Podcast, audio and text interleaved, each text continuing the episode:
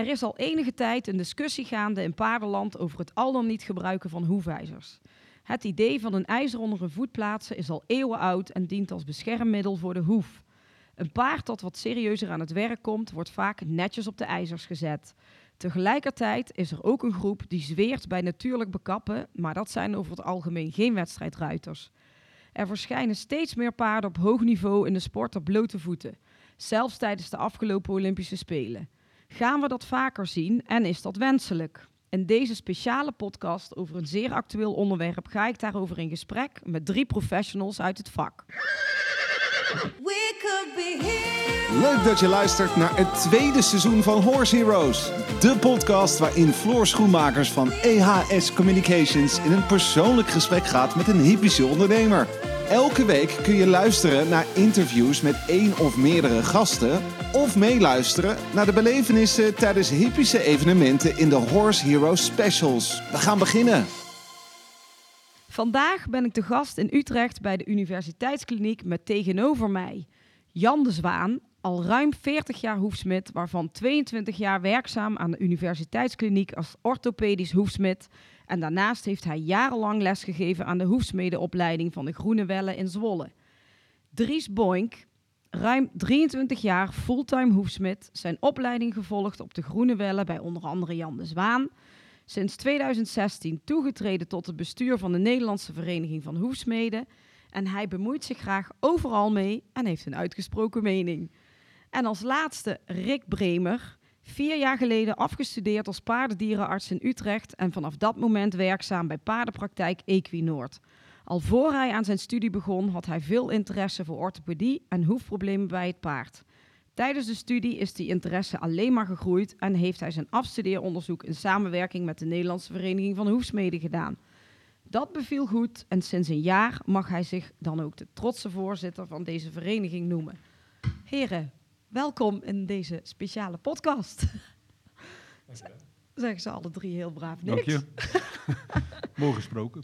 Ik ehm, zou graag wat meer van, eh, van jullie willen weten, van jullie achtergrond. Dan wil ik graag beginnen met jou, eh, Jan. Zou jij mij willen vertellen ehm, hoe jij als eh, jonge jongen in dit, met paarden hebt gehad en hoe je in dit vak terecht bent gekomen? Ja, dat wil ik. Nou, mm, ik ben opgegroeid tussen de paarden. En, ehm, maar tot op een bepaalde leeftijd had ik eigenlijk niet het idee van... hé, hey, ik ga mijn brood ook verdienen in de paarden. En dat is toen op 21, 22-jarige leeftijd is het idee ontstaan. Omdat ik natuurlijk ook heel vaak met de hoefsmid te maken had... die bij ons thuis de paarden kwam doen. Om het eh, vak op te pakken. En eh, ja, dat is eh, tot op de dag van vandaag eh, nog steeds mijn, mijn passie. Mhm. En ik kon toen niet vermoeden wat mijn vak uiteindelijk voor het paard zou gaan betekenen. Hè, en hoe wij ze onder een paard slaan, tot, ja, tot daar aan toe. Maar in de loop der jaren is mijn, mijn, mijn inzicht en wel toegenomen in, op het gebied van hoefverzorging. Dat, eh, zoals de Engelsen zeggen, no, no, no feet, no horse. Dat dat echt een hele, hele diepere betekenis heeft. We roepen het heel snel, maar het heeft echt een hele grote impact op het welzijn van ons paard. En dat is, in de jaren is dat eh, alleen maar toegenomen. En eh, ik hoop dat met die ervaring en daar nog een aantal jaren mee door te kunnen gaan. Ja, want jij zegt, je, was, je bent opgegroeid tussen de paarden, dus jouw familie had vroeger ook altijd al paarden. Ja, ja, ja, altijd in de paarden gezeten. En dan eh, ben jij dus als klein kind, heb je al gezien, er komt een hoefsmid. Ja, ja. stond er altijd met mijn neus vooraan. Oh ja, altijd meekijken Ja. bij de smid. Ja. En waarom was dat in die periode dan, dat de smid dan kwam? Was het toen ook al met hoefijzers en allemaal Ja. dat soort dingen? Ja, ik heb ook nog de periode meegemaakt eh, dat, eh, dat, dat ik dan met paard naar de smid moest. Dan was ik een jaar of twaalf of zo, of misschien nog wat jonger. Ja. En wij woonden aan een zandweg die een paar kilometer lang was. En mijn vader die hees, me, hees me op het paard zonder zadel. Gaf me een klap op zijn kont en eh, belde de smid op van eh, hij komt eraan. Dus Oh die, ja, die ving me dan aan het eind van? het zandpad op. waar kom jij vandaan? Ik kom uit Ermelo. Oh ja, en wat voor een paarden hadden jou, eh, had mijn vader was liefhebber van tuigpaarden. Oké. Ja. Ja. Oh ja. Ja, zeker. En dan, die stonden dan natuurlijk op, op de ijzers, omdat ze over straat lopen. en, ja. die werden dan ook beleerd en daar gingen ze ook wel weer de deur uit. Maar dat was een beetje ja, de, de hobby van mijn vader eigenlijk ook. Ja. Daarnaast was hij boer. En eh, ja, zodoende. Maar hoe ben je toen dan, ben jij een opleiding gaan volgen op een gegeven moment? Ja, ik ben toen, ik heb eerst vanaf mijn 16e tot mijn 21ste, 22ste ben ik, eh, heb ik gevaren. Heb ik bij de marine gezeten. Want mijn vader zei ook altijd van Jan, als je de kans krijgt, dan moet je wat van de wereld gaan zien. Ja. Dat hij, die kans heeft hij, had hij nooit gehad. Dus dit, dat heb ik eerst maar eens even goed waargenomen. En eh, daarna ja, begon het, leven toch wel een serieuze wending te nemen. daar Waarin je keuzes moest maken voor je verdere toekomst. Ja. En dat werd Hoefsmid. Toen ben ik de opleiding gaan volgen, ben stage gaan lopen. En eh, ja, zodoende. En dan eigenlijk eh, alles eh, verder uitgeleerd wat je daarna kon doen. En want jij bent, ehm, eh, toen je de opleiding hebt gevolgd, wat heb je daarna gedaan? Da- na- en toen je, ben je meteen zelfstandig gaan werken? Ja. Of heb je voor, Ja, je voor hebt- iemand... Als hoefsmid heb je niet veel andere keus om voor jezelf te gaan werken. En dat is denk ik ook gelijk een valkuil. Want je hebt natuurlijk totaal geen ervaring. Je kunt misschien terugvallen op je, op je voormalig stagebieder. Maar je wordt wel in het diepe gegooid. Ja. En dat, is, eh, dat was toen al best wel zwaar. En ik denk in de maatschappij waar we nu in leven, dat het nog zwaarder is. Ook vanwege ja, alle andere stromingen die we tegenkomen in de, in de paardenwereld. Waardoor je dan toch op een gegeven moment wel een duidelijke, eh, gefundeerde mening over moet hebben. Ja. Ja, maar je, hebt nu, je bent 22 jaar werkzaam hier aan de kliniek waar wij nu, eh, nu zitten. Wat gebeurt hier allemaal? Wat gebeurt hier allemaal? Eh, waar wij ons eigenlijk dagelijks mee bezighouden, waar wij dagelijks mee geconfronteerd worden, is eh, eh, heel- aan problemen die heel vaak te relateren zijn aan de voeten van het paard. Mhm. En dat, eh, ja, dat, eh, dat is eigenlijk ons dagelijks werk. En dat in die loop van die 22 jaar is het bewustzijn steeds maar gegroeid van jongens, waar zijn we met in, vredesnaam, in vredesnaam soms mee bezig? En zie hier de resultaten. Aan de andere kant is het mooie van ons vak dat we ook, eh, ook in staat zijn om met de huidige hulpmiddelen heel veel paarden weer goed aan het lopen te krijgen. Ja. En dat is het mooie van het vak. En dat houdt het ook interessant. En dat is ook een beetje mijn drive. Ja, en jij bent hier werkzaam als orthopedisch hoefsmid. En je hebt ook he- heel lang eh, lesgegeven op eh, de Groene Welle in Zwolle. En een van jouw leerlingen daar was eh, Dries. Dus Dries, daar ben ik eigenlijk ook wel even benieuwd naar jouw achtergrond. Je bent inmiddels 23 jaar eh, fulltime hoefsmid. Maar waar is bij jou eh, het paardenverhaal begonnen?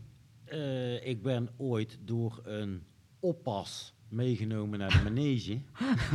en daar eigenlijk nooit meer weggegaan. Oh, echt waar? Ja, zo, zo is het begonnen. Mooi. En ik ben naar de rand eh, de middelbare landbouwschool gaan doen. Of tenminste, ik heb eerst de middelbare landbouwschool gedaan, richting rundveehouderij en akkerbouw. En ja, boer worden was van huis uit ook geen optie, want mijn ouders zijn, eh, ja, mijn, mijn vader had een, een verwarmingsbedrijf. Ja. Dus de- dat werd hem ook niet. Paarden zijn altijd blijven trekken. En op een gegeven moment, ja, wat wil je nou? En ik ben eh, ja, eens rond gaan kijken. Ik wou dierenarts worden, maar ik was niet zo'n schoolganger. dus toen ben ik hoefsmid geworden.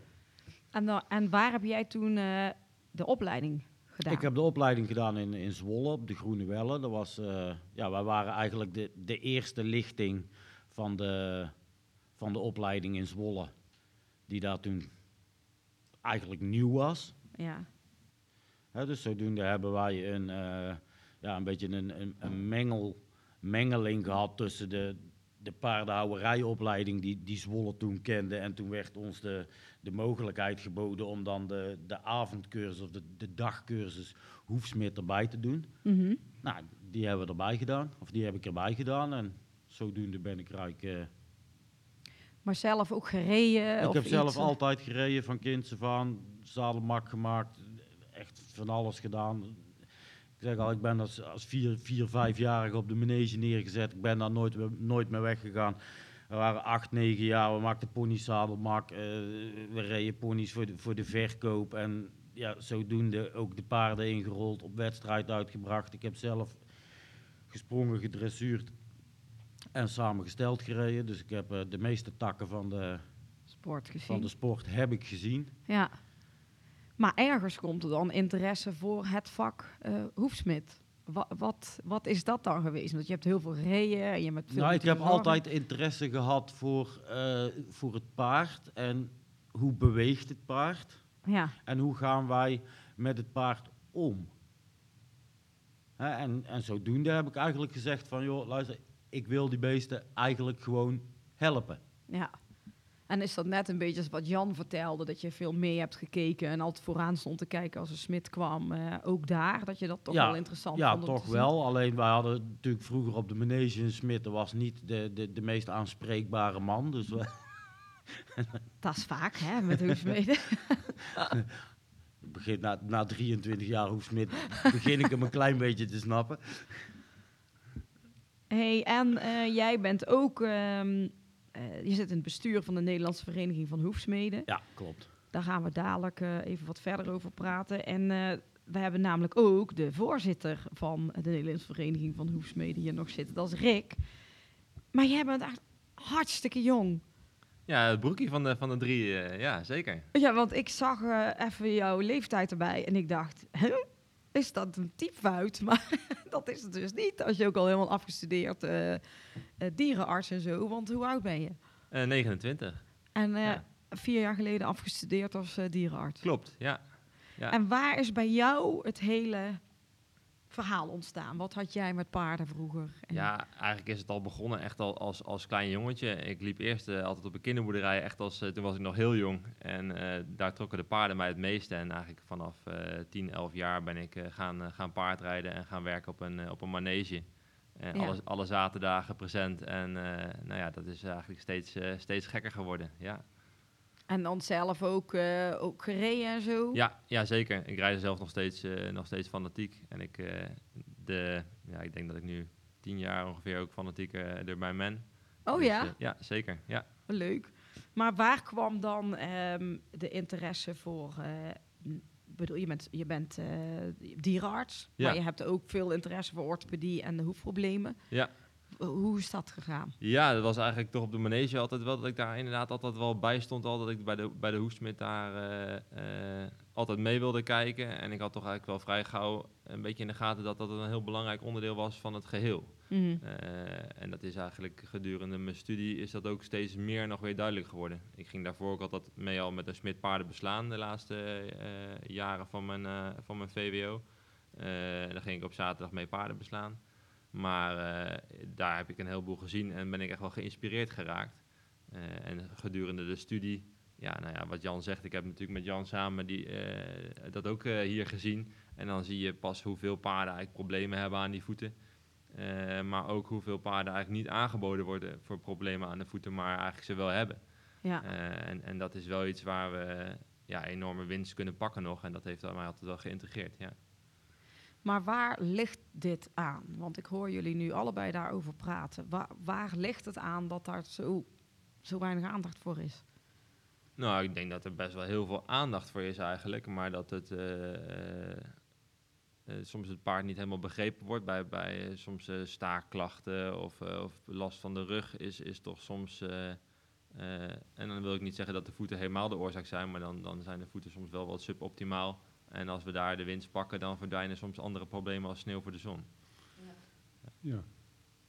Ik vind, eh, eh, niet alleen soms, ik denk dat dat gewoon nou, heel frequent voorkomt.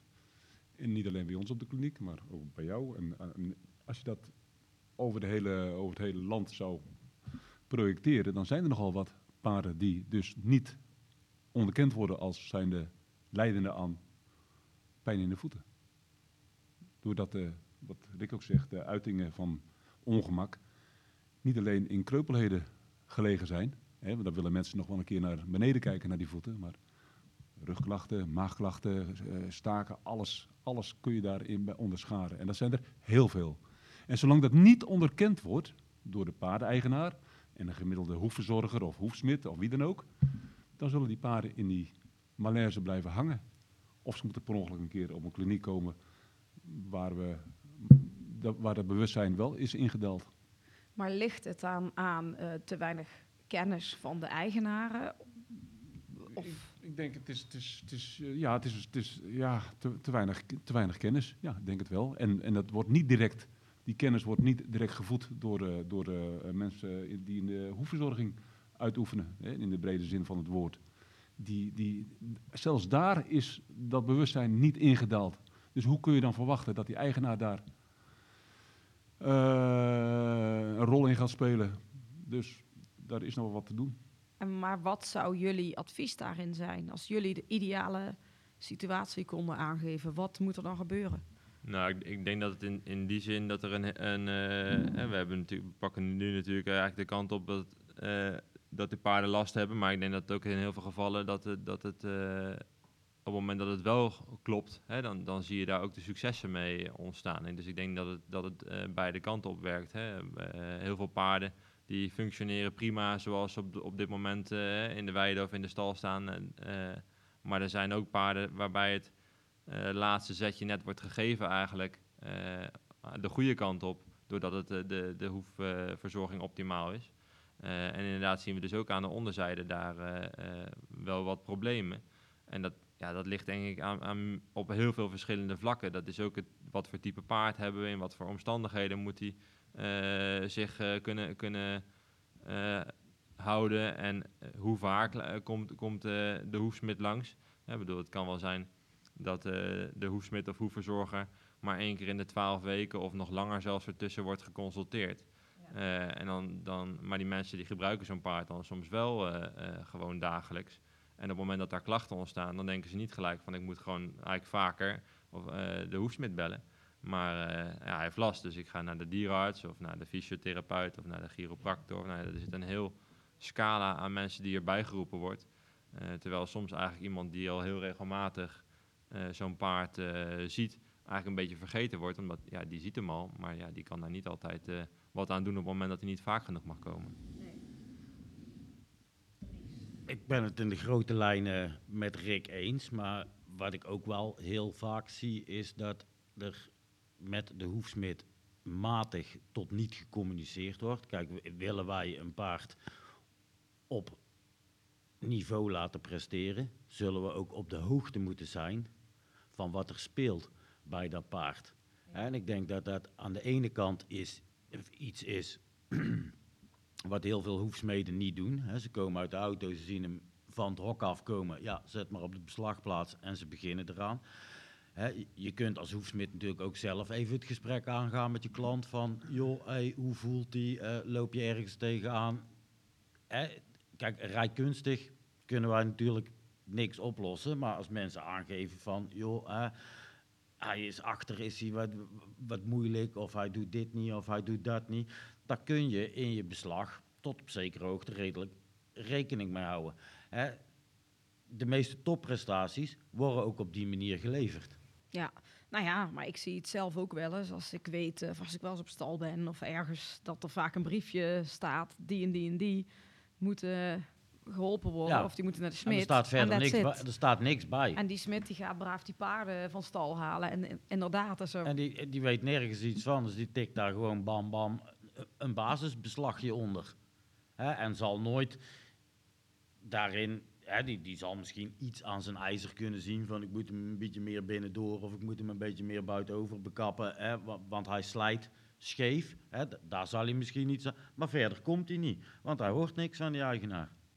Ja, maar is het dan een beetje de, het ook wat, wat Jan ook straks een beetje zei, dat je, je hebt de opleiding gedaan en je bent eigenlijk bijna meteen verplicht om als zelfstandige te gaan werken. En sommigen hebben misschien te weinig ervaring ook in hoe ze moeten communiceren met die klanten dan, met die Dat zal, stal-eigenaren. op een, dat zal een, een, een groot ding zijn, ja. Maar het is ook wel zo dat er een hele hoop eigenaren gewoon niet willen vertellen wat er met het paard aan de hand is. Want het zou wel eens.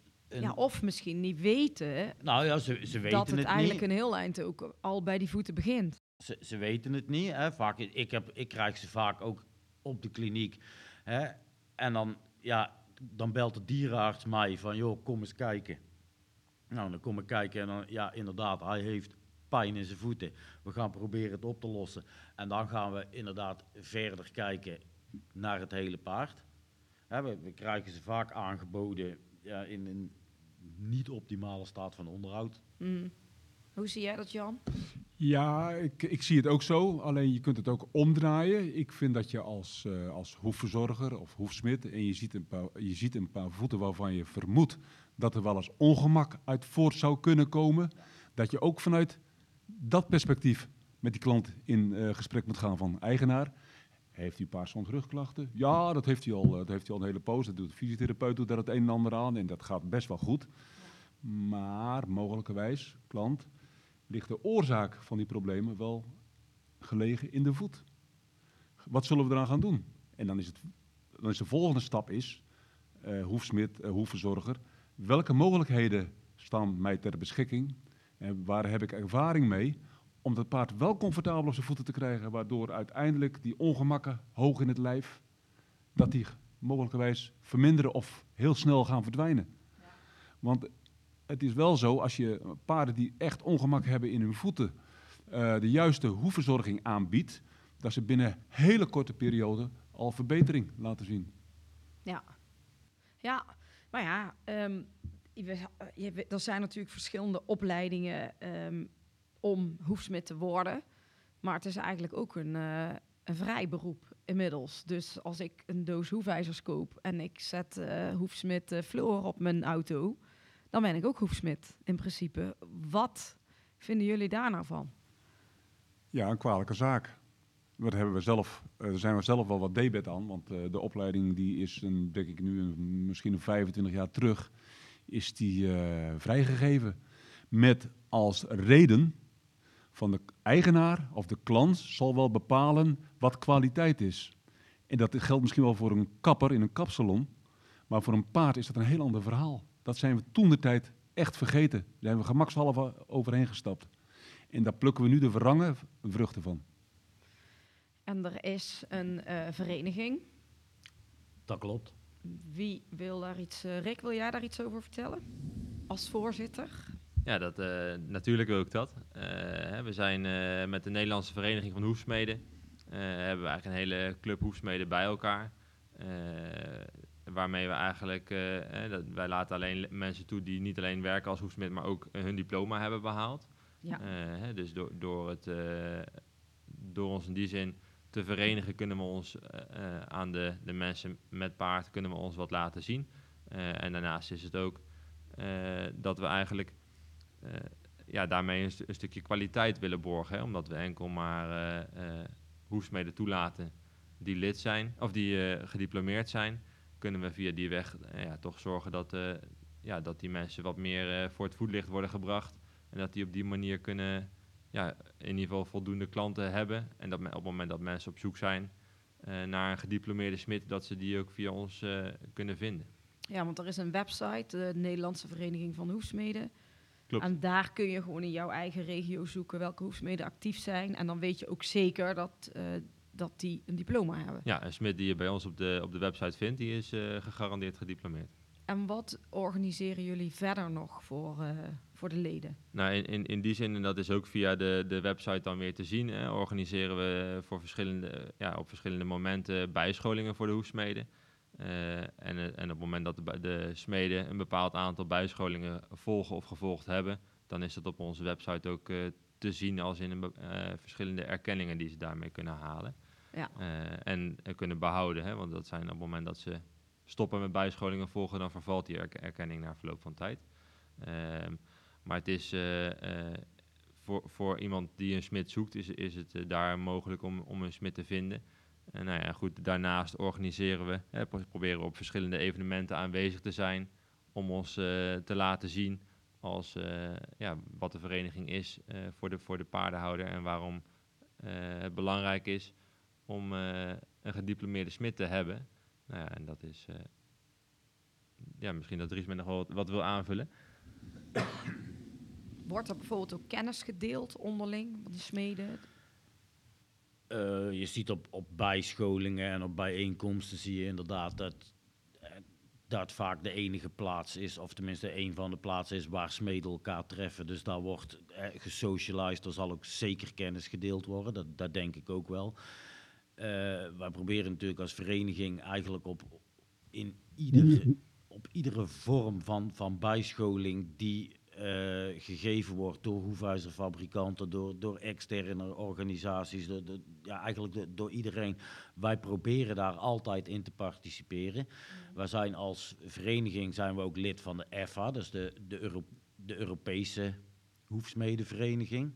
Hè, al onze leden zijn in principe op het moment dat ze van school afkomen, worden ze ook aangemeld bij de Europese Hoefsmedenvereniging. Dat is een, een vereniging die eigenlijk de, de opleidingen wil verbeteren en de, de kwaliteit van de hoefsmid gewoon heel hoog in het vaandel heeft staan.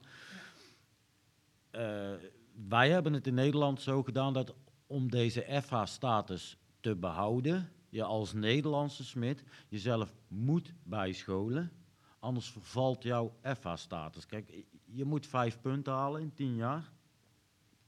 Komen die te vervallen, ja, dan gaan wij jou ook niet meer aanmelden bij de FH als vereniging zijnde.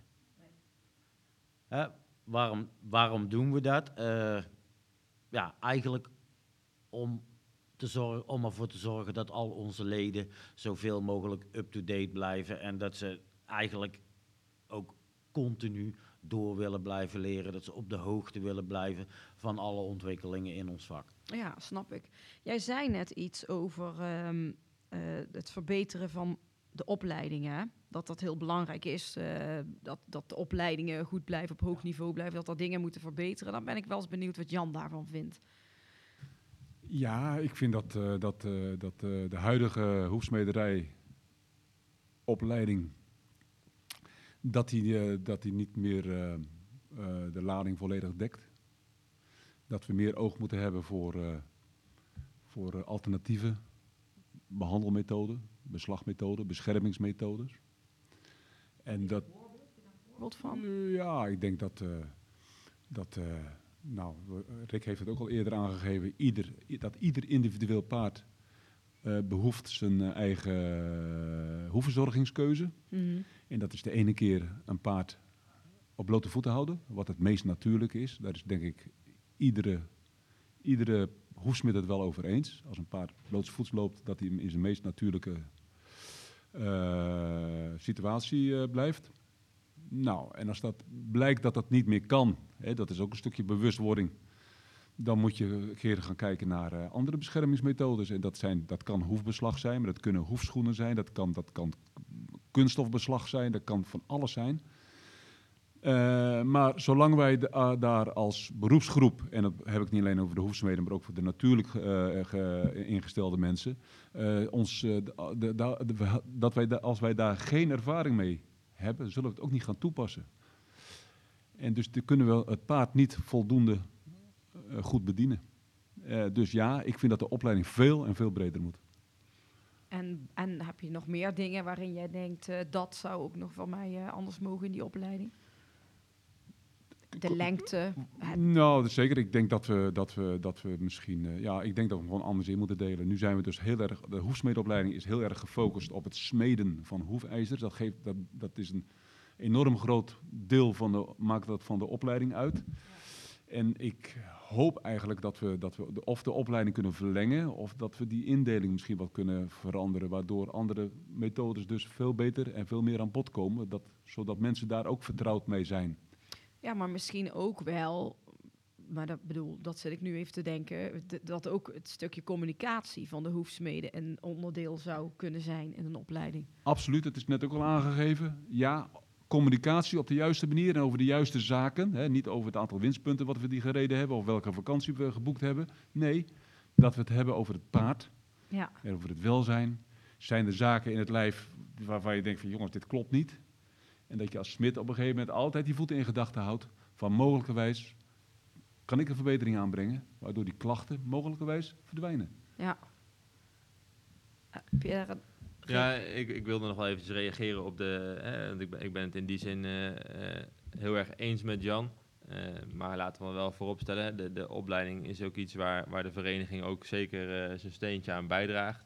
En waar we ook met, de, met de, de scholen die de opleiding geven enorm ons best doen om, om continu de ontwikkelingen die er zijn in de markt en, maar, en, en al die dingen bij te, ja, om daar aan, aan, te blijven schaven, zodat de, de opleiding steeds blijft passen bij, bij de smid die in het veld gevraagd wordt.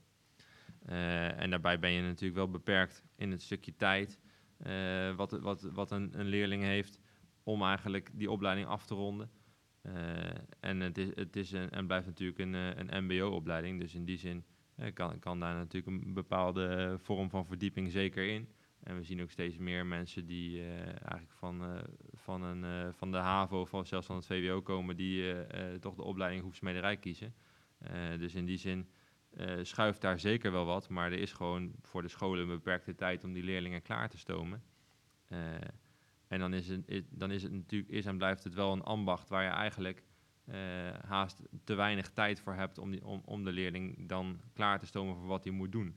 Dus ik sta, eh, we moeten in die zin wel natuurlijk dingen doen waarbij ook de kwaliteit wel hoog in het vaandel blijft. Eh, en, het- en het is misschien, eh, het blijft ook zo, en daar zijn we ook steeds o- nu op, op het moment ook achter de schermen druk mee bezig om aan de opleiding weer te gaan schaven. Eh, maar het is, we moeten niet vergeten dat het natuurlijk wel iets is, en ook dat smeden, dat kost gewoon tijd om dat goed in de vingers te krijgen. Ja. En, en dat onderdeel is, ik meen nu vier, vijf jaar terug, is dat al eh, wat teruggebracht. En we, we zien daar nu, ja, die, die mensen zijn nu, nu een beetje aan het werk. Dus we moeten natuurlijk wel eh, continu peilen van hoe gaat dat en wat moeten we veranderen. Eh, en ik denk dat het ook belangrijk is om die dingen niet eh, te rigoureus eh, eh, ineens te veranderen. Nee, maar als je een paardeigenaar bent en misschien niet weet eh, of een smid wel of geen opleiding heeft gedaan. Ja, ik bedoel, even buiten het feit dat eh, je het kan vinden op de, op de, natuurlijk bij de, bij de Vereniging van Hoefsmeden.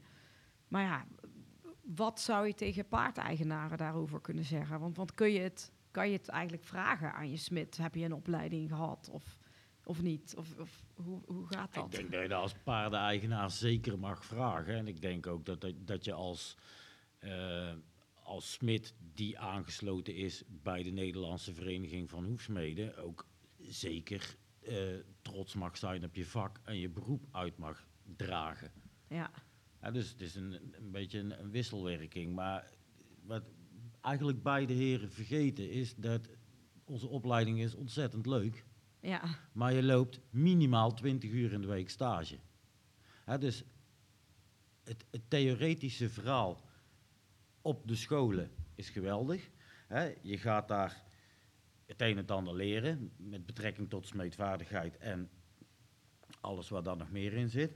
Maar je bent eigenlijk, denk ik, voor, de, voor, de, voor een groot gedeelte word je gevormd door de persoon waar je stage loopt. ja. Hè, hoe staat die erin? Hoe gaat die ermee om? Werkt die met nieuwe technieken? Volgt die alles op de voet? Hè, daarin ga jij als stagiaire, ga je of je gaat mee, of je gaat een keer bij een ander in de keuken kijken en denkt van, joh, laat maar.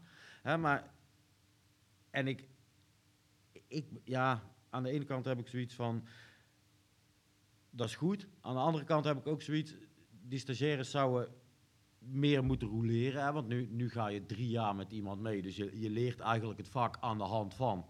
En dan ga je los. En daar zit een, een stukje school bij. Nou moet ik heel eerlijk zeggen, ik heb stage gelopen bij Jan. Ik mag nou wel zeggen dat ik gedurende mijn hele schoolcarrière geen boek open heb gehad. Ik kon er zo doorheen fietsen. Dus Ja. het mag allemaal. Hè? Wil je het interessant maken voor leerlingen die verder willen kijken als hun neus lang is, denk ik dat het allemaal wel wat, wat uitgebreider mag. Maar het is, het is en blijft voor een, voor een school en ik denk ook voor een stagebieder heel moeilijk om in te schatten van jongens, wat, wat voor leerlingen heb ik hier en hoe ver wil die, wil die gaan. Een, een opleiding past zich altijd aan aan het, eigenlijk aan het laagste niveau binnen een groep. En dat is ja, voor, voor sommige jongens eigenlijk heel jammer. Is het wel nog een eh, gewild beroep voor studenten? Zijn er veel, veel jongeren nog die echt denken, ik wil uh, hoefsmid worden? Nou, de opleidingen zitten vol. We zien steeds meer meiden die Ja. hoefsmid willen worden. Ik denk ook dat dat een goede tendens is. Aan de andere kant denk ik, hoe gaat dat straks na 5, 10, 15 jaar praktijk. Ja, en een ander ding is natuurlijk dat, eh, dat we te maken hebben met heel veel part-time hoefsmeden. Dus die part-time ervaring opdoen. Waar hij dus, je hebt dus gewoon veel meer mensen nodig om ons paardenbestand aan het lopen te houden in de komende jaren. En er zijn een relatief aantal vergrijzende hoefsmeden, zoals ik, die het ook geen, eh, geen tien jaar meer eh, gaan uitvoeren. Dus er gaat, komt best wel grote druk op die markt. En ik vraag me af hoe die ontwikkelingen zich verder zullen. Ja, hoe, hoe, dus- hoe zich dat verder zal gaan ontwikkelen. Dat wordt een probleem. Maar wat zou een oplossing zijn? Hebben jullie daar een idee van? Nou ja, zo, zo- zoals Dries al zei, hè, de, de opleidingen zitten eigenlijk op het moment vol. Eh, en wa- maar we zien wel eigenlijk, eh, met name in het eerste jaar, dat er best een aantal mensen zeggen van, nou, dit is toch eigenlijk niet helemaal wat ik eh, voor ogen had. Maar dat ziet eigenlijk iedere opleiding, denk ik. En dan, blijft er daarna een hele, hele club eh, fanatieke leerlingen blijft daar eigenlijk over. Eh, en die, die, die ja, ga- gaan daarna, hè, die, die maken de opleiding af en gaan daarna aan de slag.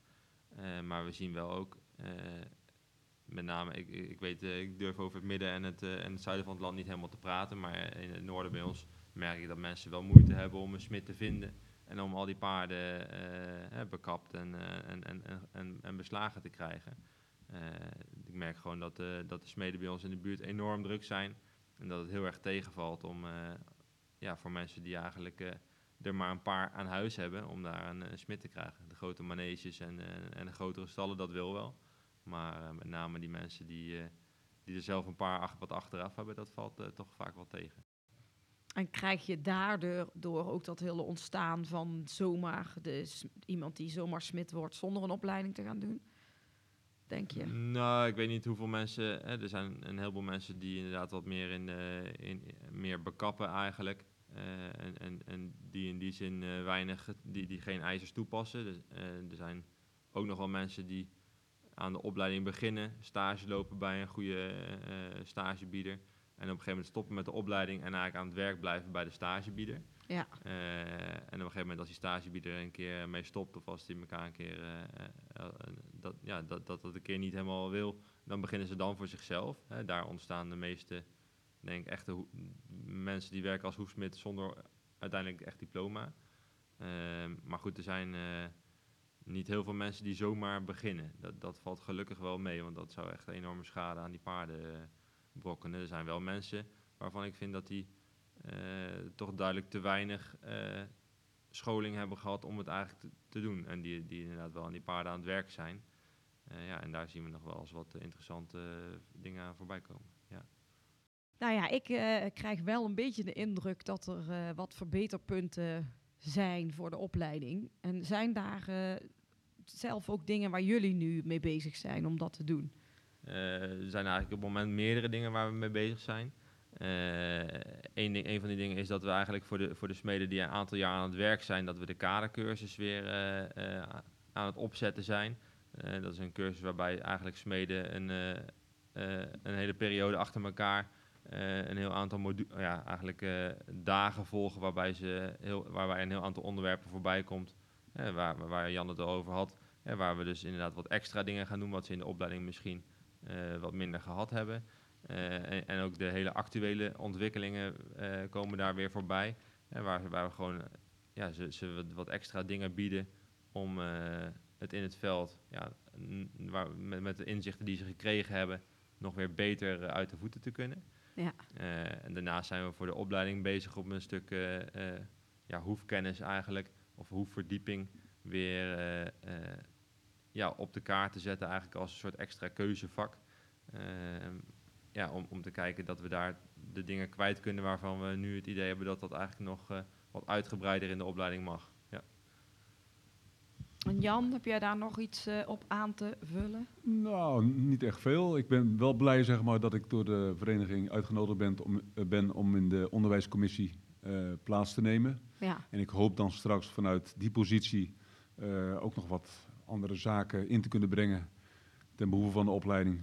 Om het, eh, om het in een wat breder perspectief te gaan eh, Ja, zien. en dan komen er weer een heleboel eh, nieuwe leerlingen die van alles kan leren. Nou, ik ben benieuwd wat dat, wat dat voor een ontwikkelingen met zich Ja. meebrengt.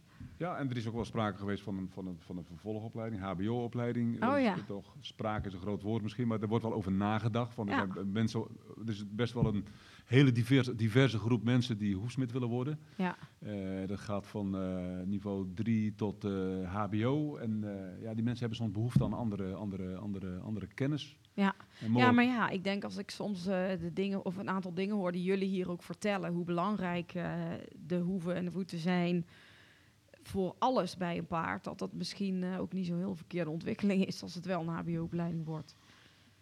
We gaan het zien. We gaan het zien. We werken gaan eh, naar het volgende onderwerp in de podcast en dat is wat speelt er in het nieuws?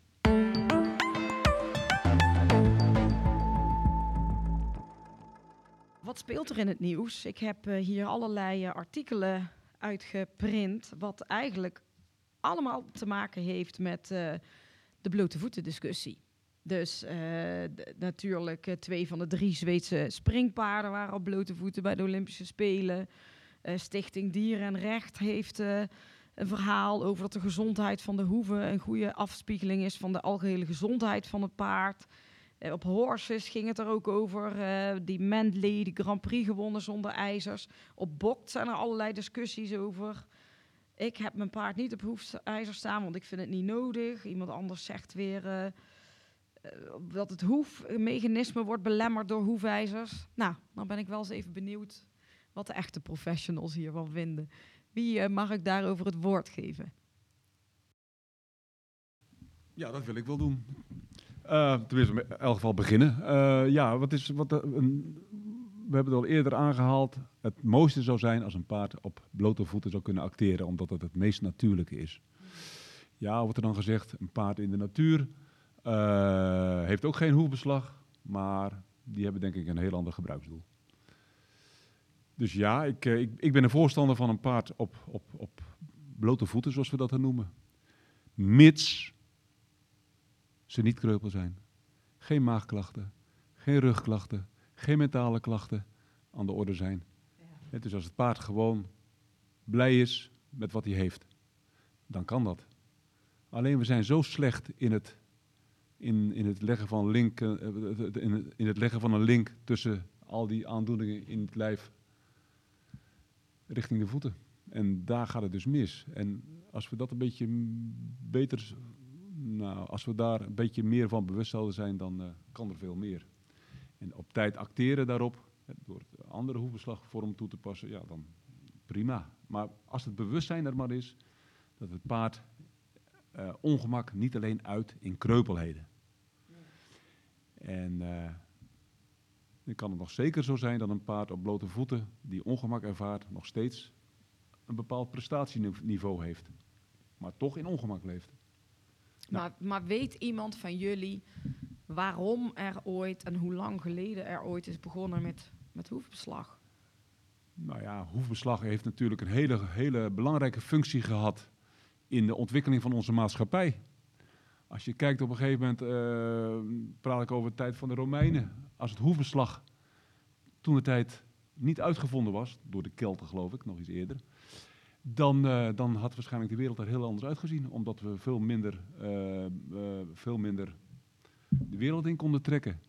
Oorlogsvoerende landen of stammen, als, die, als er een stam was die het hoefbeslag kende en een andere stam niet, die waren in het voordeel. Want uiteindelijk hou je het op blote voeten niet vol. Als je maar lang genoeg de paarden aan het lopen laat houden. Kijk eens naar het eh, economische eh, verkeer. Tot aan, de, tot aan de, de, de- komst van de trein en de, en de auto. Ja, dan, dan moet je toch zeggen, van, jongen, het is, heel belangrijk geweest. Die Ja. slijtage die werd gewoon beperkt. En ik zeg niet dat ieder paard daar altijd blij van geweest is. Daar geloof ik ook helemaal niks van.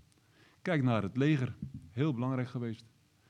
100 jaar terug was elke belangrijke eh, een, eh, officier eh, be- bemoeide zich met hoefbeslag. Nee. Nou, ik wil even inhaken op die officieren, want daar is de ellende natuurlijk ook wel een klein beetje begonnen. hè.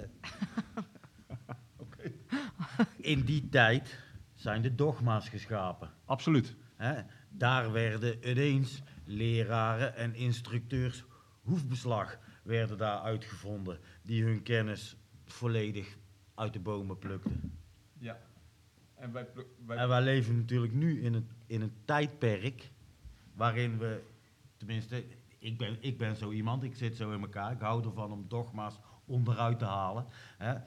We leven natuurlijk nu in een tijdperk waarin we kunnen gaan bewijzen van, joh, dat deden ze toen en, en dat deden ze goed en, en dat deden ze verkeerd. Hè, want ook nu, ook wij krijgen nu nog steeds dagelijks nieuwe inzichten, hè, nieuwe technieken met, met betrekking tot hoefbeslag en voedverzorging, die ons en daarmee het paard een stapje verder de goede kant in helpen.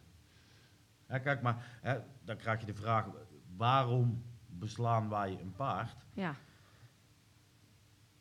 In principe zijn wij begonnen met het beslaan van paarden om de draagrand te beschermen tegen overmatige slijtage. Ja. En dat is eigenlijk wat we nog steeds doen. Hè? Een paard zou op blote voeten moeten kunnen acteren. Op het moment dat die blote voet ook de kans krijgt, de ruimte krijgt zich te ontwikkelen, te groeien en niet overmatig slijt. Hebben we bijvoorbeeld een paard met een verkeerde, hè, in onze ogen verkeerde conformatie, die wat te veel de binnenkant, te veel de buitenkant afslijt, dan zullen wij de draagrand moeten beschermen tegen die overmatige slijtage. Waar doen we daarmee? Met een hoefijzer of een plakschoen of noem maar op. Er zijn tegenwoordig een hele hoop mogelijkheden om een paard comfortabel te maken. Ik denk wel dat we meer na moeten gaan denken over hoe en waarom. Ik ben 23 jaar hoefsmid. ja, Ik ben van mening dat ik best veel paarden besla die in principe in het dagelijks leven prima op blote voeten door het leven zouden kunnen. Want bij geen van die paarden slijt de draagrand harder als dat die afgroeit. Kijk, ik zie ook wel eens paarden die met zes weken de binnenkant van een ijzer weglopen. Die moet je niet van de ijzers afhalen. Die gaan daar niet fijn vinden. Ja, nou, ik, ik, denk, ik denk dat het eh, klopt wat je zegt, Dries. Er zijn ve- veel paarden die op blote voeten zouden kunnen lopen, mits, mits we het management daarop aanpassen. Dus de leefomstandigheden, de werkomstandigheden, de hoefverzorging daarop aanpassen. Nou, dan kunnen er heel veel op, op blote voeten lopen.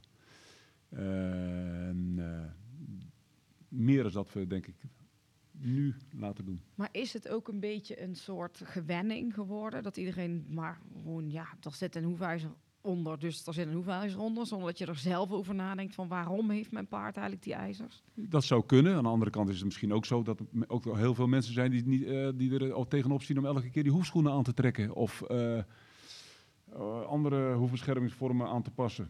Dus dat je zegt van nou laat me lekker op een ijzer zetten. Dat kan. Maar het staat en valt in grote lijnen gewoon met het management.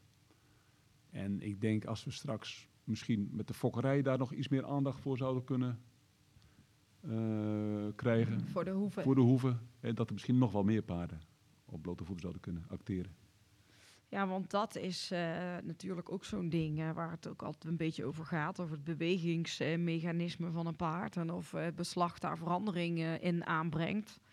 Hoe zien jullie dat dan? Want er gaan heel veel paarden naar keuringen toe. Wat als ze geen ijzer onder hadden gehad?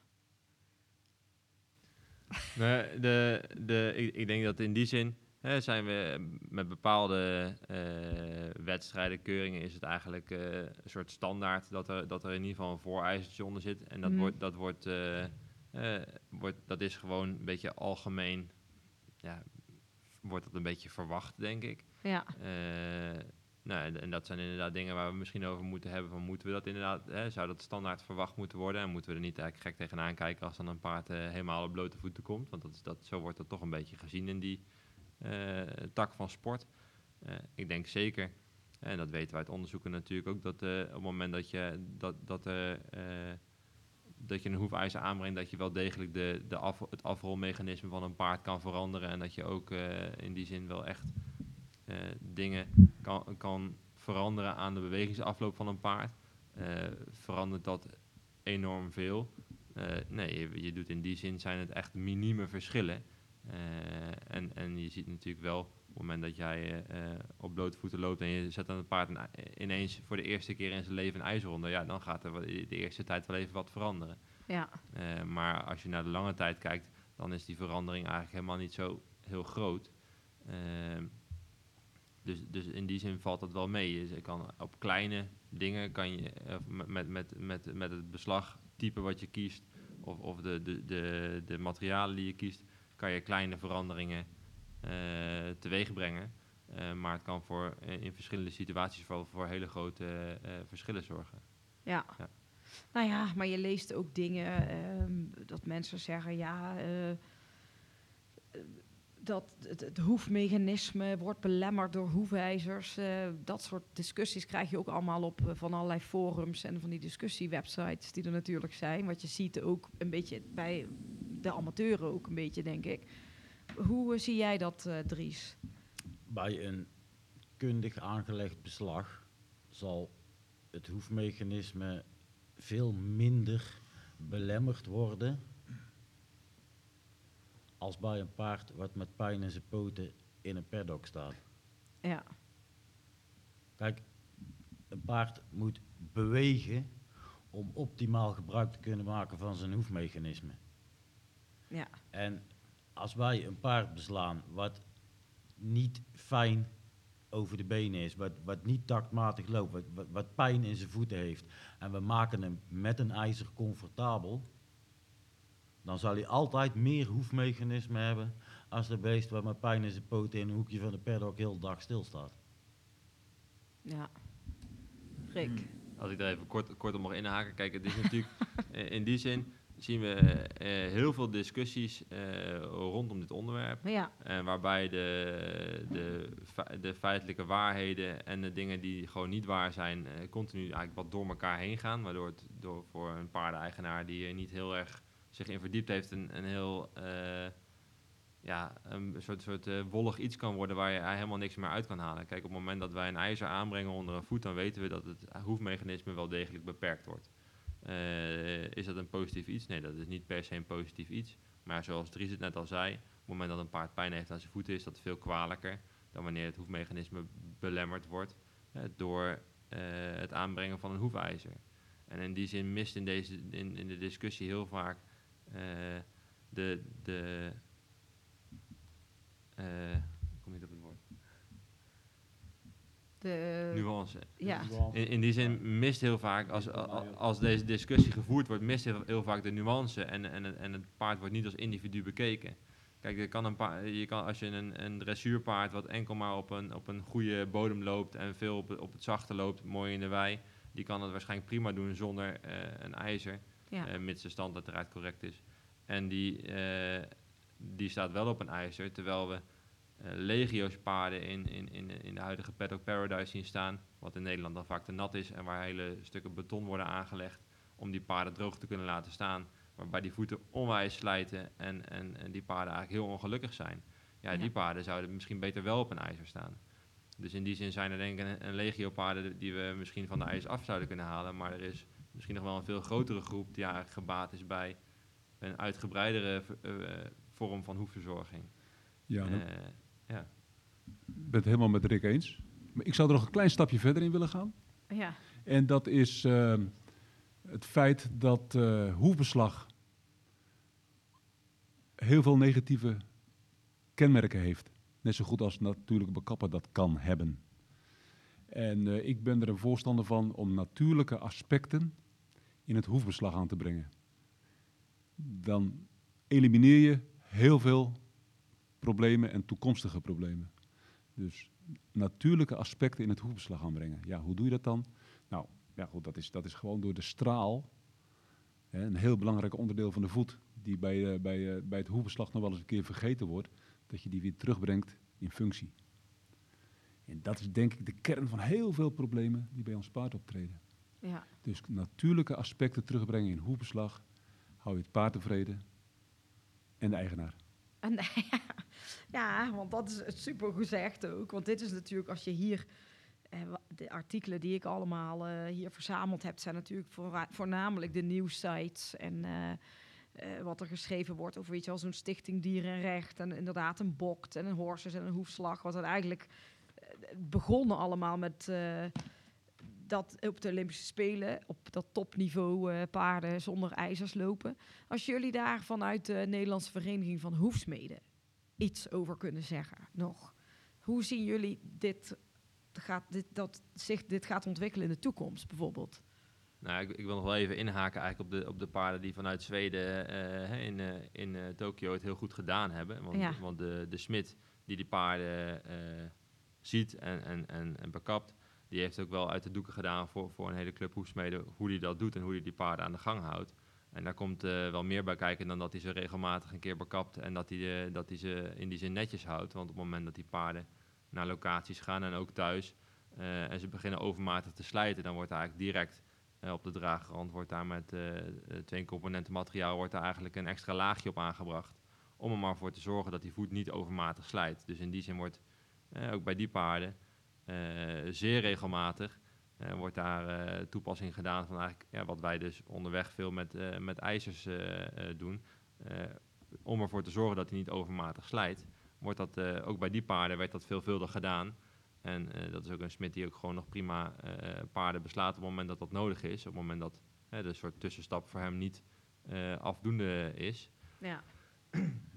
Maar die paarden die, eh, die staan ook periodes wel op de ijzers. Eh, dus het is niet zo dat die paarden eh blootvoet zijn. Kijk, het is natuurlijk een beetje een, eh, iets geworden waar heel veel mensen nu mee aan de haal gaan van zie wel, het kan ook op hoog niveau. Maar wat er bij die paarden gebeurt, is dat er gewoon continu gekeken wordt, oké, naar wat voor concoursen gaan we, hoe staan de voeten ervoor, op wat voor bodem moeten we acteren. En op het moment dat ze op gras staan, of op gras moeten, moeten lopen op een hoge, hoge wedstrijd, dan gaan er gewoon ijzers onder en dan gaan er ook stiftgaten onder. Ja. Hè, dus het is niet zo dat, die, dat, dat dat mensen zijn die per se geen hoefijzers willen. Eh, maar die eh, realiseren zich heel goed, wat Jan en Dries ook al, al aangaven, van blootvoets is eigenlijk de, de meest natuurlijke manier. En voor het hele paard eigenlijk het mooiste wanneer het kan. Eh, maar wanneer het niet kan, grijpen ook deze mensen continu heel snel naar andere mogelijkheden. En en die paarden worden op de voet gevolgd en daar wordt wekelijks gekeken, oké, waar staan we, wat doen we en, en wat moet er gebeuren. Dus het is een heel eh, intensieve vorm van, van, eh, van hoefverzorging wat daar gebeurt. Ja. Eh, en wat echt heel individueel bekeken wordt, want er zijn ook paarden in die stallen die wel op de ijzer staan. Het is echt niet zo dat daar wordt gekozen om al die paarden blootvoets te houden. En dan maar gewoon te kijken hoe lang ze het volhouden en of ze op het hoogste niveau kunnen komen. Dat is absoluut niet wat daar gebeurt. En dat moeten we wel, en daarin mist dan nu de nuance. Want daardoor zie je, eh, weet ik het, een of ander fjordje in een Paddock Paradise die zegt, ja, zie wel, het kan zonder ijzers, die trekt de ijzers eraf. En eh, eh, onderweg komen wij die weer tegen dat hij eigenlijk geen pas wil zetten en dat hij eigenlijk hartstikke sneu is. Ja. En, en die, die nuance moeten we niet uit het oog verliezen. Dat is denk ik heel belangrijk, dat we zo'n dier continu individueel blijven bekijken. In wat voor omstandigheden moet hij lopen? Loopt hij veel over straat? En en dan, sommigen hebben zulke goede voeten, die redden het op de blote voeten. Maar het moet niet zo zijn dat het eigenlijk eh, een kwelling moet zijn om op, het, op de blote voeten te kunnen doen. Dus eh, eigenlijk is het vooral eh, lees een heel eind door de regels heen wat er allemaal wordt geschreven en ga goed in overleg met je eigen smid. Ja, Toch? Ja, en, en, en, en kijk, kijk, kijk je paard aan en, en weet wat je, pa wat je je paard voorschotelt qua management en qua voer. En qua, er, er zit, veel, komt veel meer bij kijken dan enkel maar. Het is het, je moet het zien als een geheel en dat moet voor, voor dat paard op dat moment moet, moeten, moeten we het met, met het hele team wat om zo'n paard heen staat, eigenlijk moet je het eh, voor elkaar boksen om hem goed te houden en goed te krijgen. Als Ja. het niet zo is. Ja. Eh, als jullie eh, over de komende jaren vooruitkijken, wat denken jullie dat er gaat gebeuren en gaat veranderen in, over deze discussie en überhaupt in paardenland? Dan beg- begin ik gelijk maar over mijn stokpaardje. Ja. En dat is het eh, 3D-hoefbeslag. Oh, 3D-hoefbeslag, dat is een eh, ontwikkeling die, eh, die we op dit moment proberen, eh, of in elk geval een, een methode die we proberen door te ontwikkelen op de faculteit van diergeneeskunde. En eh, ik denk dat, eh, dat over een aantal jaren we over de, om deze techniek niet meer heen kunnen. En, en vooralsnog zal het een techniek zijn die dan eh, geïmplementeerd wordt in de, in de patiëntenzorg hier aan de faculteit. Ja. Maar ik denk op een wat langere termijn dat we ook de moderne hoefsmid daarmee eh, aan het werk laten gaan. En maar, maar kan je daar iets meer over zeggen, hoe dat werkt dan? Oh, Of mag dat niet? Dat mag, jazeker. Eh eh we zijn een paar jaar terug zijn we met die eh, techniek begonnen. Ja. We, het gaat al op kort gezegd als volgt. We bekappen het paard zoals we een paard altijd bekappen. Eh, daarna komt, eh, komt er een eh, speciale scanner aan te pas die de voeten in een twee minuten inscant. Ja. Waarna het bestand geladen wordt in de computer, in een CAD-programma, in een tekenprogramma. Waarna je om de voet een customized schoeisel kunt creëren. Mogelijkerwijs met, met therapeutische of orthopedische aspecten daaraan. Vervolgens gaat hij naar de, naar de, naar de printer. En eh, de printer doet verder het werk. Dat is wel echt... En eh, daarna-. Wordt de schoen eh, aan, de, aan de voet gelijmd of genageld of als hoefschoen omgebonden. Omdat het een perfect passende schoen is. Ja. Zal het mogelijk moeten zijn. Dus alles smeden in de toekomst met een 3D-printer Mm, in de bus. In plaats van hete ijzers. Ik, zou die- ik zie die toeko- toekomst wel voor me, ja. Ja. ja, ja, ja. Dries is er ook blij mee. Nou ja, goed, we moeten natuurlijk, we moeten dus, op, we moeten dus als, als we het paard eh, en als we kunnen verbeteren, dan moeten we dat niet nalaten. Dan moeten we dat omarmen. Eh, is het niks, dan laten we het links liggen. Maar die ontwikkeling moet doorgaan. Ja. het hoefbeslag, zoals we dat al 2000 jaar toepassen, is heel mooi en we hebben ons goed kunnen redden en dat doen we nog steeds. Maar als we dus de, de minder ervaren smid, hè, die eh, niet 23 of 40 jaar in het vak zit, die ook aan het paard moet sleutelen, met minder complicaties een paard kan behandelen, waardoor die gezond blijft, dan moet je dat omarmen. Zeker. En als dit een methode is die daaraan kan bijdragen, moeten we dat niet eh, negeren. Nee, en je gaat heel erg met de tijd mee. En eh, dit kan nu. Ja, heel Ik vind het wel. eh, ik had er helemaal niet van. Ik wist helemaal niks van. Dus leuk dat je dit nou even vertelt.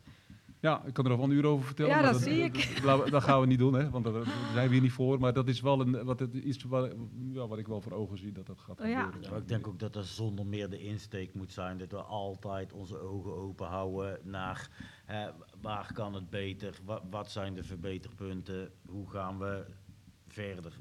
Er komen steeds meer nieuwe technieken. Ja, En ik denk ook dat we continu al die technieken moeten blijven bekijken. Hè, want het, het kan altijd meerwaarde hebben. Kijk, waarom beslaan we nog steeds? Ja, heel, heel kort. Omdat er eigenlijk nog steeds geen beter alternatief is. ah, binnenkort hè, Jan. Met de 3D-printer. We doen ons best. ja. Hebben jullie nog een afrondend ehm, iets wat je wil zeggen vanuit eh, de Nederlandse Vereniging van Hoefsmeden voor eh, de luisteraars over dit hele verhaal waar we het nu over hebben gehad? Nou, ik, ik denk dat we wel kunnen zeggen, eh, hè, of dat nou per, se vanuit, vanuit de vereniging is, of dat maakt denk ik niet zo heel veel uit. Maar ik denk dat de, boodschap om, om mee naar huis te nemen, of dat nou over hoefbeslag gaat, of, of eigenlijk alles rondom het paard, hè, dat het belangrijk is om keer op keer in, gesprek te gaan met de professionals die je, die je bij je paard hebt. En ook eh, te kijken dat die professionals met elkaar in gesprek zijn. Want dat, dat is soms, eh, hè, we kunnen allemaal wel los bij zo'n paard komen. Ik als dierenarts en iemand als hoefsmid. En eh, een ander als zadelmaker, een fysiotherapeut, een chiropractor. Er gebeurt in die zin heel veel. En heel vaak is er eigenlijk eh, niet echt communicatie tussen die eh, verschillende eh, professionals. En ik denk dat we op het moment dat we met elkaar eh, goed in gesprek blijven, blijven gaan. En op het moment dat, dat, dat zo'n paard iedere keer als individu bekeken wordt, dat we een heleboel paarden eh, nog veel blijer kunnen maken. En dat, dat is eh, iets wat denk ik ook nodig is en wat we ook moeten kunnen uitstralen naar de hele eh, eh, wereld buiten de paardenwereld eigenlijk. Om, om te laten zien wat we er allemaal aan doen en, en dat we, hoe we ermee omgaan. En dat we in die zin eh, eh, met elkaar ervoor zorgen dat, het, eh, ja, dat we nog lang op deze manier van met elkaar van de paarden kunnen genieten. Ja, zeker. Ehm, als mensen meer willen weten over ehm, eh, de Nederland, ja, ik hou het maar even op de Nederlandse Vereniging van Hoefsmeden of over hier wat er in Utrecht allemaal gebeurt. Waar kunnen ze dan kijken? Waar kunnen ze het volgen?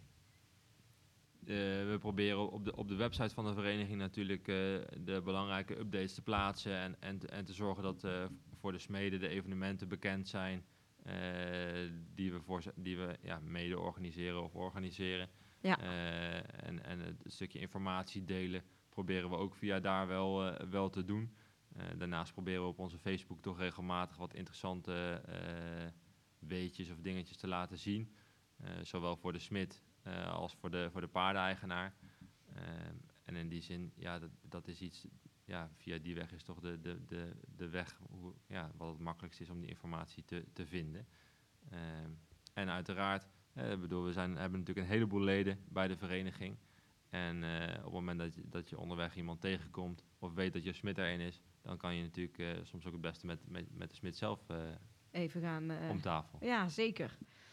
Nou, ehm, ik wil jullie heel hartelijk bedanken voor eh, jullie deelname aan eh, deze podcast, waar we eigenlijk een, ja, een actueel gesprek eh, zijn gaan doornemen in plaats van favoriete liedjes en de vragenpot. en wat we eigenlijk ook doen, altijd, en daar heb ik het helemaal nog niet met jullie over gehad van tevoren, wij doen altijd een giveaway in de podcast. Dus dan geven we iets leuks weg aan de luisteraars. En dan moeten ze een reactie achterlaten op deze post. En dan kunnen ze iets, iets leuks winnen. Is er iets wat jullie bedenken van eh, dat kan ik misschien weggeven? Ja, ja misschien, eh, misschien, ik heb nog wel een ideetje.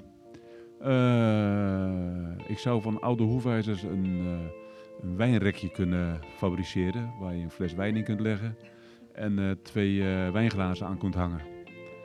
En eh, dat moet ik dan eventjes in mijn spaarzame vrije tijd doen. Dat is gewoon een zelfgemaakt cadeau van Jan. Dat is echt te leuk. Van hoefijzers is toch Van redelijk Hoefijzers. toepasselijk. Hartstikke toepasselijk. Nou, dus wat moet je daarvoor doen? Laat even een reactie achter op de post op Facebook of Instagram van vandaag. En ehm, we zouden het natuurlijk hartstikke leuk vinden als jullie ook de Nederlandse Vereniging voor Hoefsmeden van Hoefsmeden gaan volgen. En eh, heren, nogmaals hartstikke bedankt dat jullie eh, aanwezig waren in eh, deze podcast. En tot volgende week. Dankjewel. Tot ziens. We could be heroes.